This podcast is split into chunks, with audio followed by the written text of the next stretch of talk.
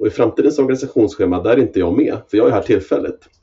Då kan jag skapa en känsla av att jag inte är något hot utan snarare en coach som kan hjälpa dem att hitta rätt position och rätt jobb i framtiden. Den som pratar är Johan Sältborg. Han kommer idag att berätta om vad du ska tänka på om du ska ta uppdrag som interimschef. Jag vill tacka er som hör av er med frågor och tankar. Det uppskattas. Det kan ni göra på hemsidan, via mail, via LinkedIn eller via Facebook. Oberoende vad ni hör av er så blir jag väldigt, väldigt glad. Jag som har podcasten heter Mattias Eibe och nu kör vi! Du lyssnar på Projektledarpodden. En podd för dig som gillar att leda projekt och vill lära dig mer av andra om projektledning. Idag har vi med oss Johan Sältborg. Han har arbetat som interimschef och han har även skrivit en bok om det här. Välkommen!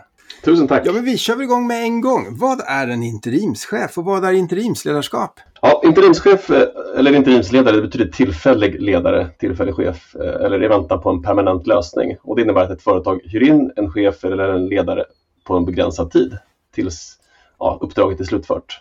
Och då lämnar man över till den permanenta organisationen. Hur kommer det sig att du blev interimschef?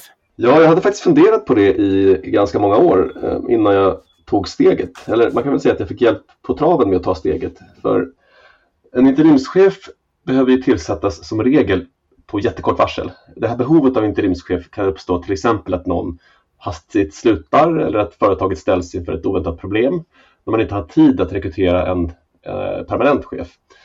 Och för att vara tillgänglig för ett interimsuppdrag då måste man kunna starta inom en eller två veckor oftast. Och det funkar inte om man är anställd för då har man ju uppsägningstid. Eh, så jag hade funderat på det här, tyckte att det verkar kul men eh, inte velat säga upp mig själv för det är ju ganska svårt att göra när man, är, när man har familj och hus och allting eh, med höga kostnader.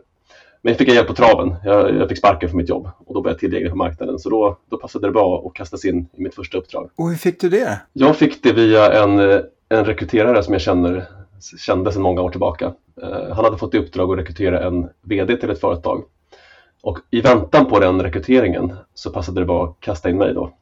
För att det var ett akut behov av en ny VD i företaget. Och hur kommer det sig att man vill bli interimschef? Det låter rätt jobbigt. Ja, man kan väl säga att det är både spännande och eh, till viss del jobbigt. Eh, jag är ju själv eh, nyfiken och otålig till min läggning och älskar att hamna i nya miljöer.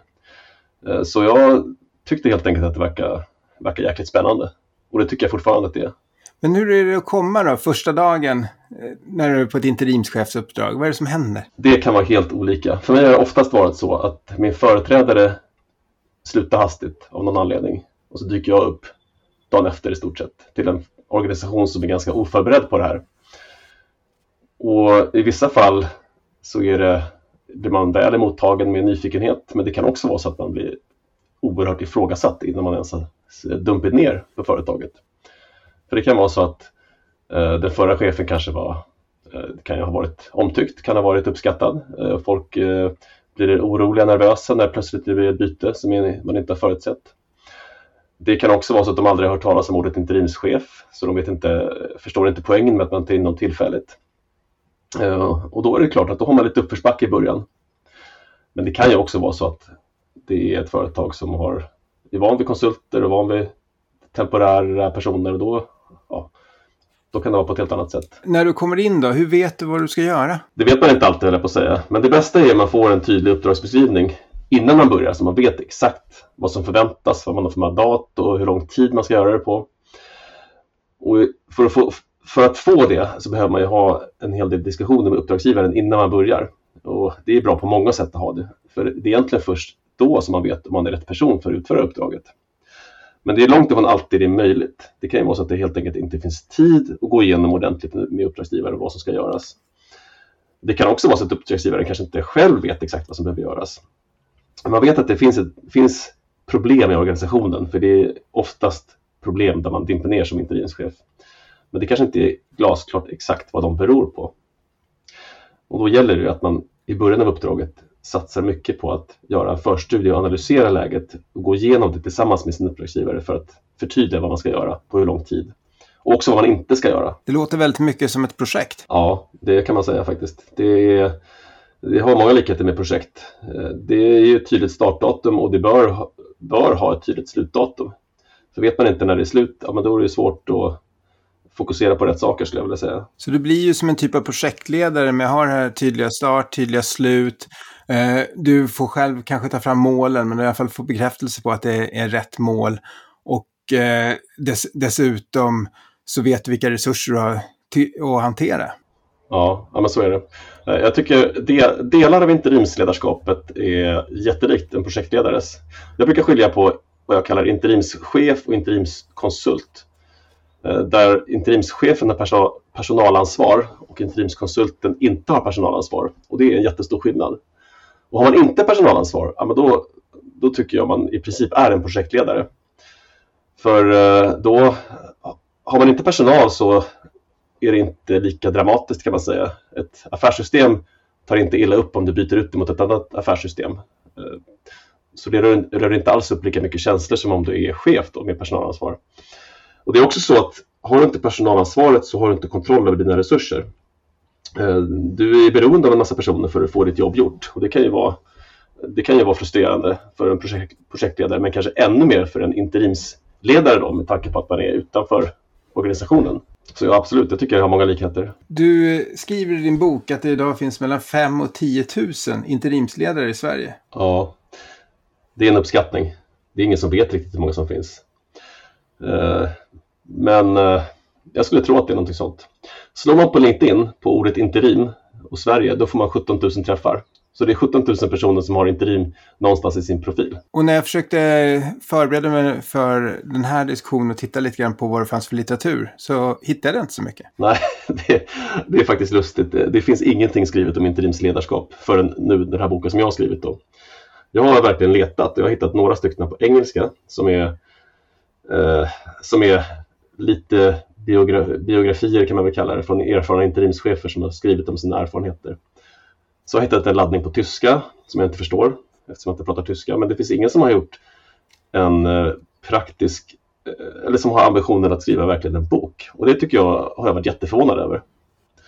Men det är väl så att de flesta som jobbar som interimschefer kanske funderar på att skriva bok men tycker att eh, livet som interimschef är ganska bra och, och, lönsamt så de vill inte ta sig tiden. För det tar ju ganska mycket tid att skriva en bok.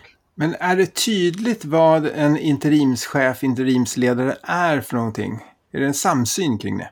Bra fråga. Eh, jag tror att det är en ganska bra samsyn bland de som känner till begreppet. Fortfarande finns det många som inte vet vad en interimschef eller interimsledare är för någonting. Eh, men bland de som använder det tycker jag nog att det är en ganska bra samsyn. Sen är det förstås ett gränsland mellan interimsledare, bemannad personal konsult. Så det finns gråzoner i alla skarvar kan man väl säga. Ja, och du, och du pratar i din bok om ett antal framgångsfaktorer. Skulle du berätta om dem? Jag har definierat 15 framgångsfaktorer för att lyckas som interimschef. Eller för att lyckas med en interimsledarkarriär kan man säga. Den första framgångsfaktorn är att göra sig tillgänglig, som jag pratade om alldeles nyss. Är du inte tillgänglig, har du inte möjlighet att hoppa på ett uppdrag på en eller två veckors varsel, ja, då är du inte ens på marknaden. Så det är steg ett då, att göra sig tillgänglig. Så behöver man lära sig sälja sig själv, för det är ett evigt säljande kan man väl säga. Man måste hela tiden hitta nya uppdrag. Eh, det är få förunnat att hitta en nisch som är så eftertraktad som man bara kan luta sig tillbaka och se uppdragen komma. De flesta behöver aktivt sälja sig själv hela tiden. Gillar man inte det, då blir det ganska jobbigt.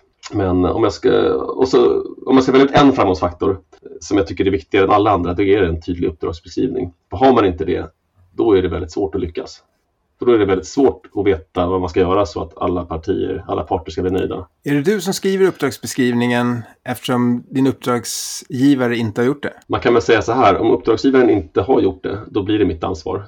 Eh, det är ju en dialog som man behöver ha, men det är, inte, det är långt ifrån alla uppdragsgivare som förstår vikten av det här, som, som ser vilken viktig skillnad det är på att vara anställd och vara interimschef.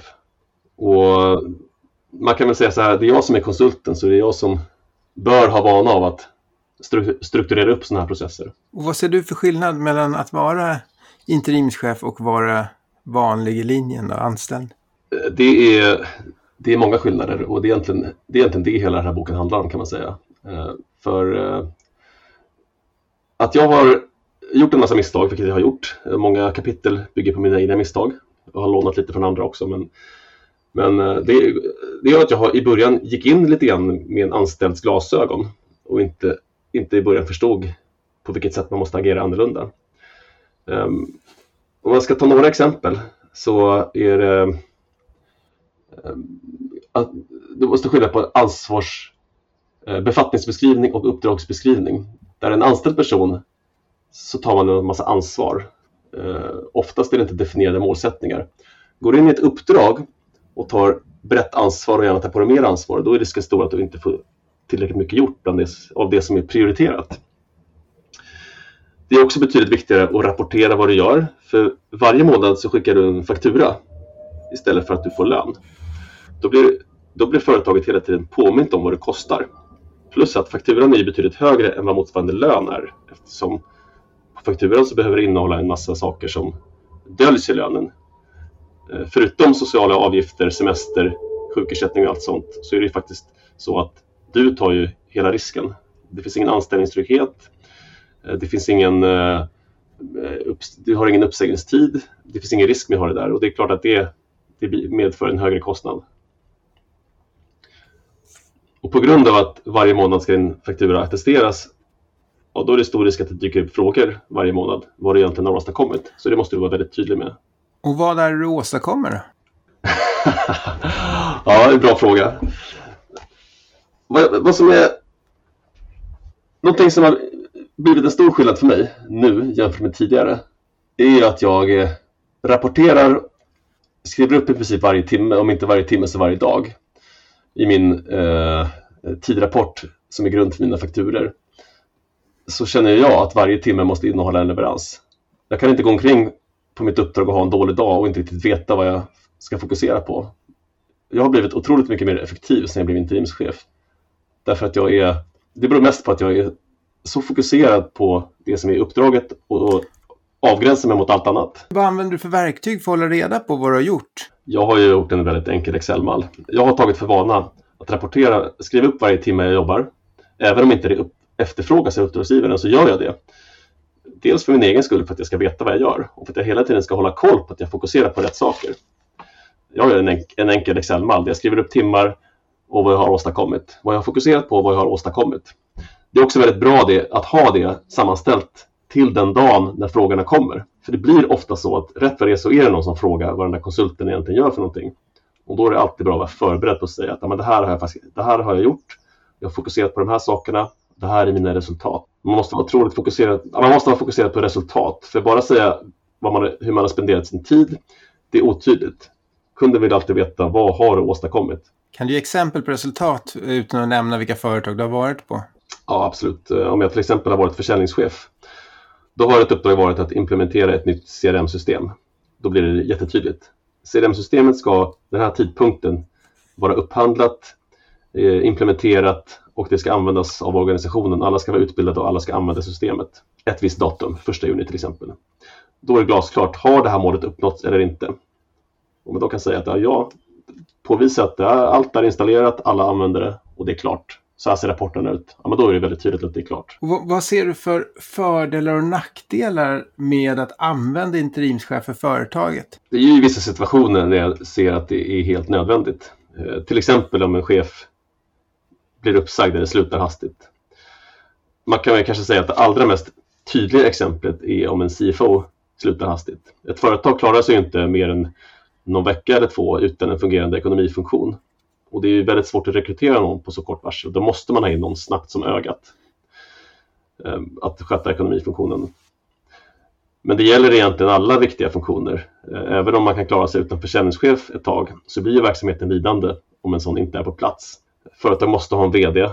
Eh, någon måste ju gå in tillfälligt om en VD slutar hastigt. Och det gäller ju de flesta ledningsgruppsfunktioner.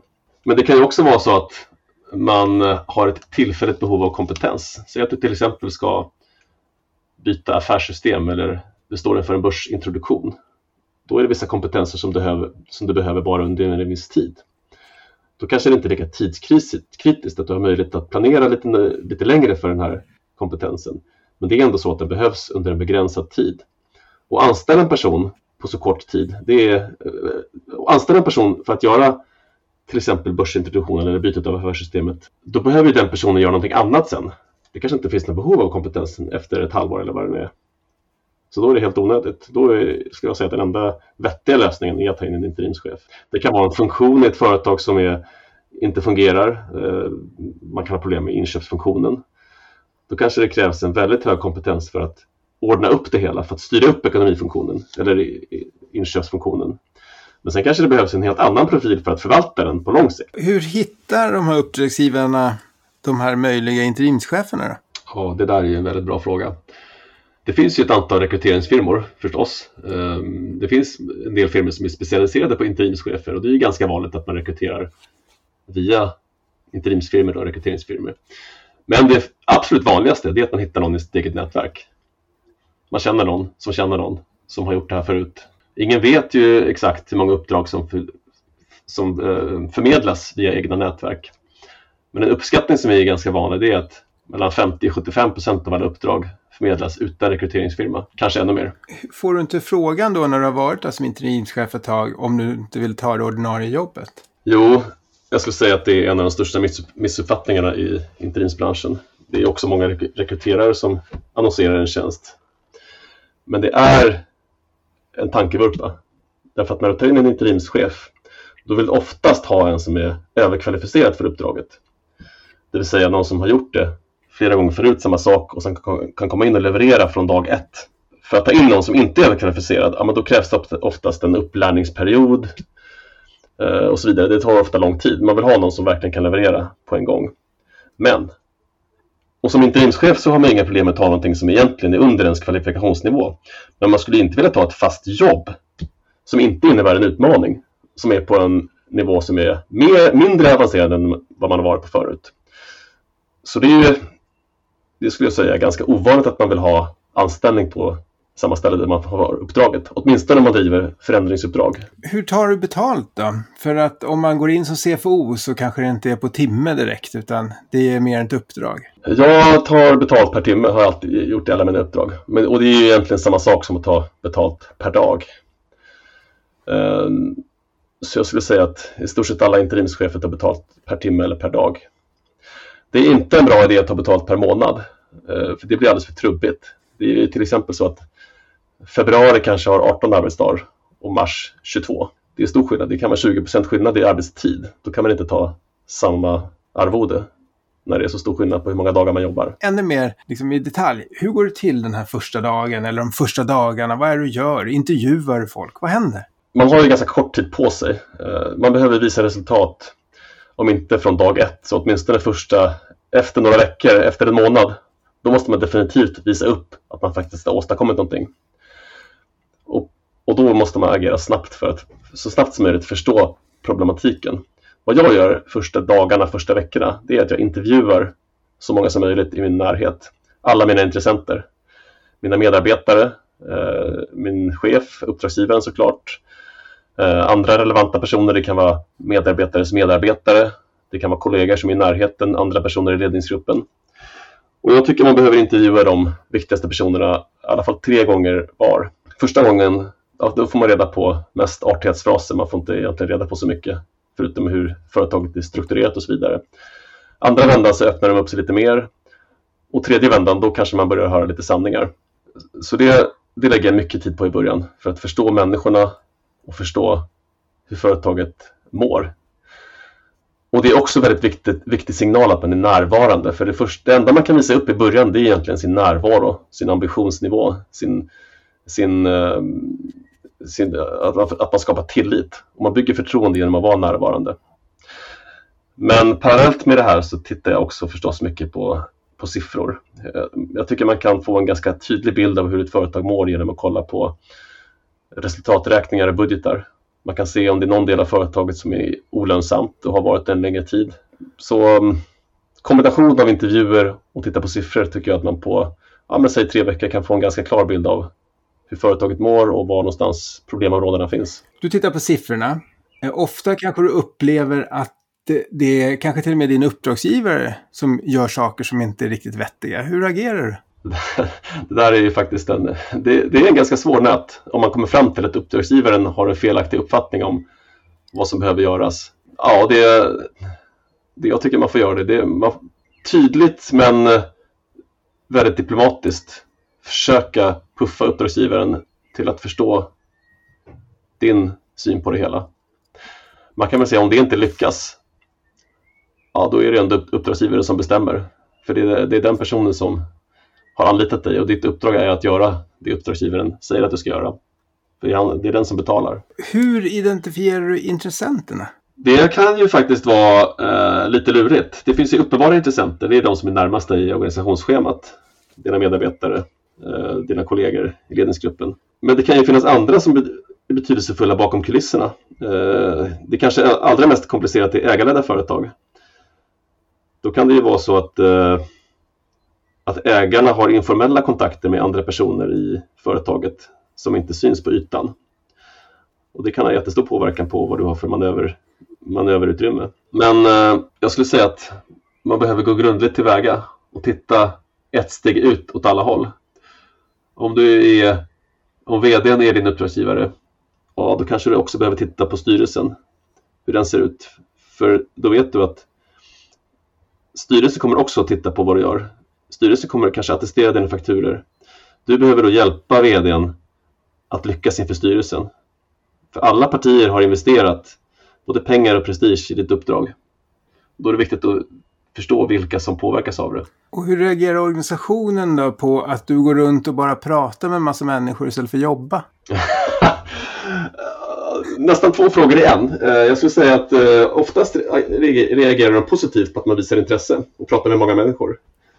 Eh, men det kan ju vara ett dilemma att du inte gör någonting operativt. Det har du helt rätt i. Det är ju ganska vanligt att man får ett uppdrag som är av strategisk natur och då gör man ingenting operativt. Och då syns det ju inte för folk att du jobbar. Är du försäljningschef med uppdrag att förändra försäljningsorganisationen, ja, då kanske du inte har något kundansvar. Du kanske inte gör några besök, du kanske inte eh, knackar in order, gör någonting som för de andra syns. Då kan det ju väckas stora frågetecken vad du egentligen gör för någonting. Då skulle jag säga att det gäller att hela tiden vara supertydlig med varför du är där. Förankra uppdraget om och om igen hos hela organisationen. Och hur gör du det? Att förankra uppdraget, det är egentligen uppdragsgivarens uppgift. Det är mycket lättare om den tar fullt ansvar och förankrar varför du är där. Det är inte alltid det händer och då behöver du göra det, vara tydlig. Jag skulle säga att man behöver, man behöver prata med folk och förklara vad man gör där om och om igen. För det är ofta otydligt vad du som interimsledare gör. Framförallt i företag som inte är vana vid den typen av ledarskap. Och hur gör du det här? Om inte veckomöten, jag, jag försöker se till så att det, alltså att det blir, regelbundet är personalmöten. Jag försöker se till så att jag får, får prata på varje personalmöte, får förklara, förtydliga, förankra mitt uppdrag och varför jag är där på ett så tydligt sätt som möjligt. Det behöver göras om och om igen. Du kan inte vara tydlig nog. Hur hanterar du beslut som behöver tas? Vågar du ta besluten eller förankrar du allting med din uppdragsgivare? Jag är ofta tillsatt för att fatta beslut. Men jag har som princip att alltid förankra dem hos uppdragsgivaren, gärna skriftligt. Det är, det är alltid mycket större risk för missförstånd när du är där tillfället än när du är anställd. Och då har det formella mandatet att genomföra förändringarna. Men eh, det är mycket känsligare än om du är anställd. Så jag tycker att det är, det är en bra princip att alltid förankra alla beslut så långt det är möjligt. Och har du någon typ av veckorapportering när du jobbar med det här? Eller hur jobbar du med, med den typen av förankring? Ja, jag, faktiskt, jag har för vana att skriva tidrapport varje dag och varje vecka skriva en veckorapport. Även om det inte efterfrågas. För att förebygga frågor och för att få visa hela tiden vad jag gör, vad jag fokuserar på, vad jag uppnår för resultat. Då blir det ganska lätt sen att göra månadsrapporten som följer med fakturan. Man kan tycka att det blir väldigt mycket rapportering men det behöver inte ta så mycket tid. Men det är, det är väldigt bra att hela tiden vara övertydlig. Och jag har ju märkt att det är bra för mig själv också för jag får en mycket tydligare bild av ja, hur många timmar spenderar jag på jobbet? Eh, vad gör jag på de timmarna? Är jag effektiv? Finns det saker jag kan göra bättre? Så det är ett sätt att jobba som jag, om jag nu blir anställd igen, kommer, ta, kommer försöka ta med mig. För det, jag tycker att jag själv blivit oerhört mycket mer effektiv sen jag blev interimsledare jämfört med när jag var anställd tidigare. Och hur ser din veckorapport ut? Vilka rubriker har du? Den är ganska enkel. Eh, arbetad tid, hur mycket har jag jobbat? Eh, vad har jag fokuserat på? Eh, vad har jag uppnått inom varje om område? Eh, och eh, hur ser nästa vecka ut? Vad planerar jag nästa vecka? Ganska enkelt, men tydligt. Hela tiden fokus på resultat. Vad har jag uppnått? Har du någon uppföljning, samtal i samband med det här med uppdragsgivaren? Det beror lite på vad uppdragsgivaren vill. Vissa vill ha avstämningssamtal varje vecka, andra vill ha det en gång i månaden. Jag anpassar mig såklart efter vad de tycker är vettigt. Men vad jag alltid jag skickar alltid min veckorapport oavsett om den inte efterfrågas. För att jag tycker att det är en bra princip när man jobbar. Gör man det så blir det också väldigt lätt att ha uppföljningsmötena för då har man ju redan skrivit ner vad man gör. Då kan man ta frågor på uppstuds om det behövs. Vissa vill ha avstängningsmöten, andra vill inte ha det. Och var finns din lojalitet då? Är det till företaget? Är det till uppdragsgivaren? Min lojalitet finns hos uppdraget. Det är det jag är lojal mot. Och det är ju, det bör ju vara förstås eh, detsamma som att vara lojal mot företaget och uppdragsgivaren. Men eh, om jag ska precisera min lojalitet så är det uppdraget, ingenting annat. När du kommer in som interimsledare så är du ju ändå extern, vilket gör det att folk kanske öppnar upp sig för ett annat sätt till dig. Hur jobbar du med det här? Mm. Det finns ju både risker och möjligheter, höll jag på att säga. Eh, det kan ju vara så att folk inte öppnar sig för att de är misstänksamma mot vad är det för en mystisk figur som dyker upp plötsligt och ska vara chef. Eh, och då behöver man ju börja med att försöka bygga upp ett förtroende. Men, men det som jag tycker är, för mig har funkat allra bäst med att bygga förtroende för folk att öppna sig, det är att prata om morgondagens organisation. Om jag kan få dem att se att vi pratar om framtiden och inte nuläget. Och i framtidens organisationsschema, där är inte jag med, för jag är här tillfälligt. Då kan jag skapa en känsla av att jag inte är något hot, utan snarare en coach som kan hjälpa dem att hitta rätt position och rätt jobb i framtiden. När jag har lyckats med det, då går det som regel väldigt bra. Då blir det bra stämning trots att det är förändring på gång. Om jag lyckas få alla inblandade parter att förstå att en förändring är nödvändig och att jag kan hjälpa dem istället för att det är jag som förstör för dem genom att röra till deras organisation, då blir det som regel, då har man möjlighet att få ett, ett bra förändringsarbete där med, med en konstruktiv atmosfär istället för att mötas av misstänksamhet och upprörda känslor. För jag antar att det är så att det inte alltid du är populär? Nej du, det är inte alltid jag är populär. Eh, min målsättning är såklart att vara populär. Men ibland är det jättesvårt. Det kan ju vara så att mitt uppdrag är att rycka av alla plåster och lyfta på alla lock för att egentligen förstå vad folk gör. Och då kan ju folk både bli misstänksamma, känna sig hotade, bli upprörda och ja, ibland är det svårt att undvika. Man får ju försöka så gott man kan och göra det på ett så schysst sätt man kan. Men det är ändå så att du måste lyfta på locken och vissa personer vill inte att man gör det. De vill fortsätta jobba som de alltid har gjort. Och då, då kan det vara svårt. Och det behöver man vara beredd att ta. Vad har du för tricks för att lyfta på de här locken? Ja, det, det jag försöker göra det är att förankra och få, få folk att förstå att en förändring är nödvändig. Det kan ju vara så att företaget inte går med vinst. Och förhoppningsvis förstår folk att går företaget inte med vinst så kommer det till slut gå konkurs och då förlorar alla jobben. Så vi måste göra en förändring. Nästa steg då är att försöka för, prata om hur förändringen ska ske. Men eh, ja, tips och tricks, det är faktiskt svårt att säga. Eh, hela tiden var, försöka vara schysst. Inte gå in tungt och peka med hela handen, det är nog det sämsta man kan göra. För eh, då tror jag det bara blir låsningar. Det gäller, ibland krävs det ett otroligt tålamod för att, för att klara av och, och, och, och ge den tid som krävs. För det, det, krävs ju i vissa fall tid och många samtal för att få med sig folk. Och ibland går det inte ens. Och då, ja, då slutar det kanske med att någon eller några måste sluta. Inte för att följa med in i framtiden. Och är du då en del av det? Ja, det är jag ju definitivt. Det kan ju till och med vara så att mitt uppdrag är att vara den som är obekväm för att den som är permanent inte ska drabbas av folks eh, heta känslor. Och det är en roll som, ja, det är en roll som är, är ganska naturlig att ta. För det spelar ju ingen roll så att säga om folk inte gillar mig, för jag ska inte vara kvar. Det viktiga är att de gillar den chefen som är kvar efter mig. Hur känns det för dig som person? Jag som person tycker att det är jobbigt, för att jag är ju en person som jag vill att alla ska gilla mig. Eh, men det är någonting som man inte kan ducka för. Är det mitt uppdrag, då är det det jag måste göra. Och jag ser ju också att det är logiskt att det är rätt att göra så. Jag hade gjort likadant i uppdragsgivarens kläder. I sådana här företag så blir det ju ofta politik. Hur hanterar du den? Det som är så skönt med att vara extern, är att man kan hålla sig helt utanför politiken.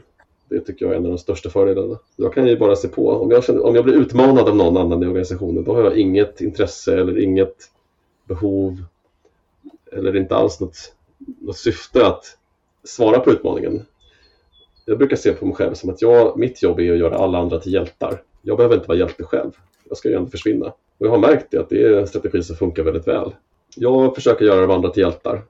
Och lyckas jag med det, då lyckas jag också. Armbågarna kan man fälla ner, det behövs inte. Och det kanske inte riktigt funkar i vanliga organisationer för det är ju ganska vanligt med att folk tävlar om en befordran eller tävlar om att bli, få prestigefyllda uppdrag och roller och vara kanske chefens gunstling. Men eh, det är väldigt skönt att slippa ens tänka på det. Hur vet du när du är klar då? Du har ju det här uppdraget, men det här löper ju på rätt bra. Hur avslutar du det hela? Ja, det brukar vara ganska tydligt faktiskt. Eh, om det är ett tydligt uppdrag, ja, men då vet man också när det är klart. Om det förlängs uppdraget, ja, men då behöver det i så fall vara någonting lika tydligt som tar över. Om vi tar exemplet då. Du, du var med och införde CRM-systemet men det ligger en rätt lång restlista kvar. Kan du ha kvar och driva klart det här? Många uppdrag förlängs för att man inte är klar. Det är väl nästan det vanligaste för att förväntningarna på hur mycket man hinner på en kort tid överskattas ofta från båda håll. Eh, så att tiden förlängs, det är inget ovanligt. Men det är ändå så att jag skulle säga att är uppdragsbeskrivningen tydlig, ja, då vet du ändå när du är klar. Då ska den här restlistan också vara genomförd.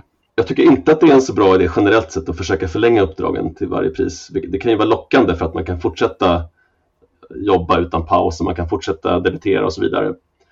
Men det är ju risk i så fall att uppdraget glider så man till slut inte gör det man är bra på. Och om man förlänger det utan att det är glasklart, då har man, sitter man kanske där med en otydlig ett otydligt uppdrag. Och då är det plötsligt svårt att leverera. Då kan det gradvis bli så att man inte heller levererar lika bra. Så det finns en risk med att försöka förlänga. Jag tycker att det är bättre att få till ett tydligt avslut. Har man uppnått sina mål, då är det lika bra att stänga butiken och hitta ett nytt uppdrag. För det kommer att vara, det är viktigt att ha en nöjd kund och kunna visa att det här uppdraget, det hade en början och ett slut, det gick bra. Då har man bra referenser och ett bra track record.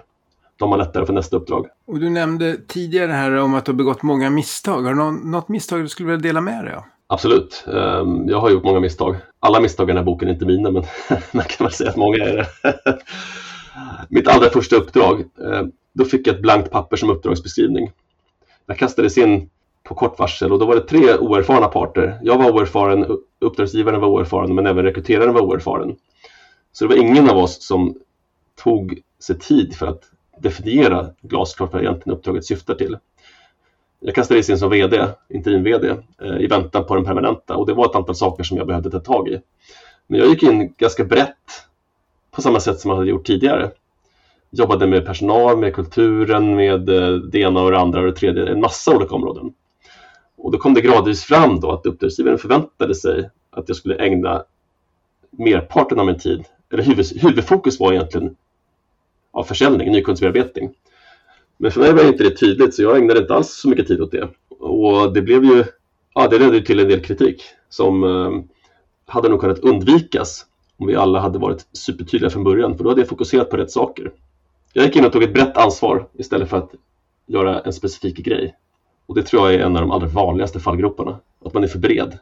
Man tappar fokus. Och då går det inte tillräckligt fort framåt där man nu, för det som är viktigast för företaget. Vem ska inte bli interimschef då? Det passar det passar inte alla definitivt. Det är ett antal delar av det här livet som är jobbiga för många, även för mig. Det är ju en otrygghet. Man vet inte när nästa uppdrag är. När det tar slut så har du oftast ingen pipeline därför att du kan inte söka nya uppdrag förrän du redan är på bänken. Så du kastas ut i en stor osäkerhet och tycker att det är för jobbigt så kommer du på lång sikt förmodligen inte trivas. Du behöver ju sälja dig själv hela tiden det är inte alla som gillar det. För mig personligen så är ensamheten värst faktiskt. Det är ju delar, delar av det här livet är ganska ensamt och jag gillar ju i grunden att ha folk omkring mig. I uppdragen så har man i och för sig kollegor och allting men man blir ju aldrig riktigt en i gänget eftersom man är där en kort tid och har ett specifikt uppdrag. Mellan uppdragen, ja, då kanske man inte har träffar så mycket folk. Då, kanske blir, då måste man verkligen aktivera sig för att hitta nätverk och hitta folk att umgås med. Det är det jag tycker är allra tuffast. Hur ser villkoren ut då? Kan du bli uppsagd när som helst? Oftast har man en månads uppsägningstid. Men det krävs ju ingen orsak. Det kan bara vara att, att, att nu behövs inte du längre. Men eh, någon mer trygghet finns ju inte. Pratar om att alla kanske inte är lämpade som interimsledare. Men, men vad, vad är skälet till att man ska bli det då? Ja, jag tycker att det är, det är superspännande. Man kastas hela tiden in i nya miljöer. Det tycker jag är stimulerande. Utvecklingskurvan är jättebrant tycker jag. Det är väldigt utvecklande. Man, man är på tårna hela tiden. Nya företag, nya branscher kanske. Det är väldigt lärorikt och utvecklande. Sen så är det ekonomiskt bra. Eh, får man snurr på uppdragen så man inte har allt för lång tid mellan varven så är ekonomin ganska bra. Bättre än som anställd. Eh, det är också, man har också möjlighet att få bättre balans i livet tycker jag. Man väljer ju själv när man vill jobba. Man har ofta möjlighet att ta uppdragen på kanske 80 procent om man vill det. Så för min del så har jag fått en bättre balans i livet på det hela taget. Jag har tid, mer tid att spendera med min familj och, så, och intressen. Och um, större frihet och större valmöjligheter vad jag vill göra. Att skriva den här boken hade jag inte kunnat göra som anställd. För det bygger ju på att jag i perioder inte haft ett uppdrag, så jag har kunnat skriva istället. Jag hade aldrig orkat skriva som anställd, gå upp fem på morgonen och skriva, eller skriva på kvällarna. Så det, det ger ju en massa möjligheter som man inte har som anställd. Vad gör du mer i, på tiden mellan uppdragen? Hur utnyttjar du den? Och hur undviker du att få en massa stress? Jag har faktiskt inte så mycket stress längre. Dels har jag en ekonomisk buffert som gör att jag klarar mig eh, ett antal månader. Det är helt nödvändigt skulle jag säga. Hade jag inte haft det, då hade jag nog varit väldigt stressad. Men jag är numera trygg i att det kommer uppdrag förr eller senare om jag, är, om jag anstränger mig. Jag nätverkar mycket, går på mycket luncher, eh, möten. Jag försöker göra meningsfulla saker som gör, som gör mig glad och det kan ju vara det kan ju vara en sak som att renovera ett badrum, lära mig spela piano, skriva en bok eller göra andra saker. Jag tror att det är viktigt att hitta något meningsfullt att göra så man inte går och, går och klättrar på väggarna. Vissa tycker det är säkert är skönt att bara ta det lugnt. Vi har gått igenom lite snabbt det du beskriver i din bok. Är det någonting du känner att vi har missat? Vi har inte pratat så mycket om hur man hittar uppdrag. Det är en viktig del, framförallt för de som är nya. Man behöver nätverka hela tiden. Det som är svårt är att eh, orka med det här samtidigt som man är i uppdrag. För de är ofta väldigt intensiva. Men mitt råd till alla är att inte slarva även i uppdragen. Ta sig tid. För då har man stor chans att få kortare tid mellan uppdragen. Man kan ju ställa sig i en situation där man har möjlighet att äta lunch med något intressant nätverk mot att debutera i sitt uppdrag. Då kan man tänka att den här lunchen kostar mig 1000-2000 spänn, det är inte värt det. Men det skulle kunna vara det som gör att man får en månads kortare tid på bänken och då är den här lunchen värd mycket mer pengar. Så man ställs inför små beslut. Ska jag satsa på att sälja och nätverka eller ska jag satsa på att leverera? Och det är egentligen samma sak som alla firmor. Företag som både levererar och säljer samtidigt, de får ju en mycket mer jämn omsättning jämfört med företag som i vissa perioder bara levererar och sen när uppdraget är slut så har man ingen pipeline. Då säljer man enbart. Det är väldigt ryckigt. Jag har jobbat i en sån konsultfirma som det gick väldigt bra för. Man levererade, tjänade jättemycket pengar. Sen när det tog slut, då hade man ingenting att falla tillbaka på. Det är egentligen samma sak. Du pratar om nätverkande och hur viktigt det är.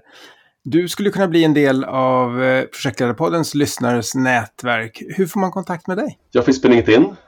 Eh, sök på Johan Sältborg så kommer du till mig. Eh, lägg gärna till mig som kontakt. Jag tycker det är jättekul med nya kompisar.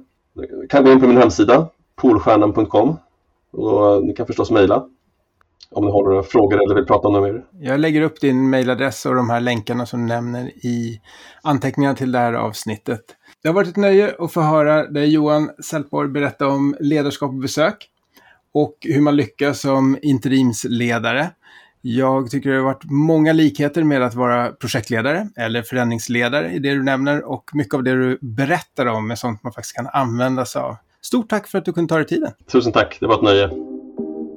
Tack för att du har lyssnat på Projektledarpodden. Hör gärna av dig till oss med idéer, tips och förbättringsförslag. Det gör du enklast via mejl på lyssnare projektledarpodden.se eller vid det sociala nätverk du föredrar.